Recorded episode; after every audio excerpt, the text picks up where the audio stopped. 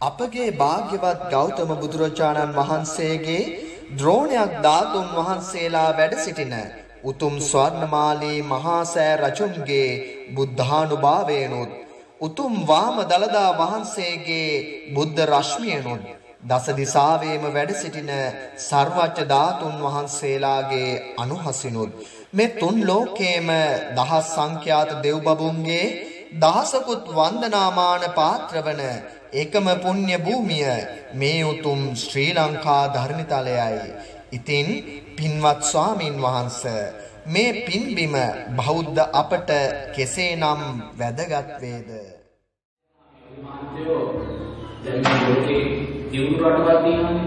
අපි ලෝකේ දියුණු රටවල් කියන්නේ ඇමරිකා වේවා, ඕස්ට්‍රේලියා වේවා, කැනඩා වේවා මේවා තමයි ලෝකයේ ආර්ථිකයෙන් දියුණු රටවල් කියලා කියන්නේ.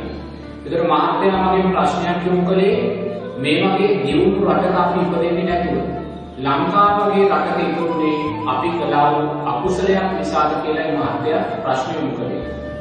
ඇත්තට මහත්මයෝ කෙනෙකුට හිතෙනවා නම් මම මේ වගේ දියුණුයි කියලා සම්මත රටක උපදින්නේ නැතුව අපේ වගේ මේ ලංකාව වගේ රටක ඉපදීම අකුසලයක් කියලා ඒ සිතුවිල්ල අපි තුළ සකස් වෙන්නේ සම්මා දිට්ඨියේ දුර්වලභාවය නිසාමයි. තේරුණාද? සම්මා දිට්ඨියේ දුර්වලභාවය නිසාමයි.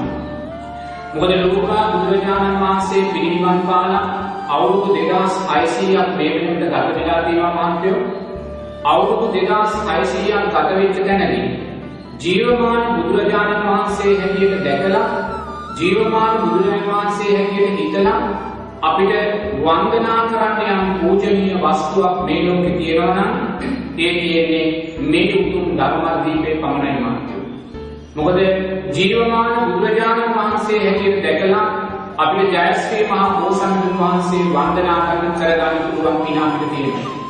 ජීවමාන බුදුරජාණන් වහන්සේ හැටියට දැකලා ස්වර්ණමාලී මහා සෑසම්දුන් වහන්සේ වන්දනා කරගැනීමේ හැකියාව අපිට තියෙනවා.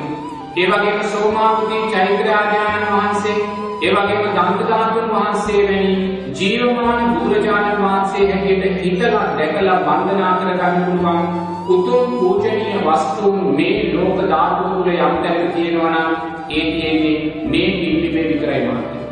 එනම් බලන්න මේ පින්බිම කියන්නේ කොයිසා ශ්‍රේෂ්ඨ ධනවත් දියුණු බිමක්ද කියන කාරණය අපි ඒ තුලින් දකින්න ඕනේ. ඒ වගේම මේ ශාස්ත්‍රීය දිව්‍ය කලයක් තියෙනවා. තුසිකේ යාමේ නිර්මාතකයේ පරිණිත වසවත්කයේ තාවතිසේ චාතුරු මහරජකේ කියලා. මේ ශාස්ත්‍රීය දිව්‍ය කලවල ජීවත් වෙන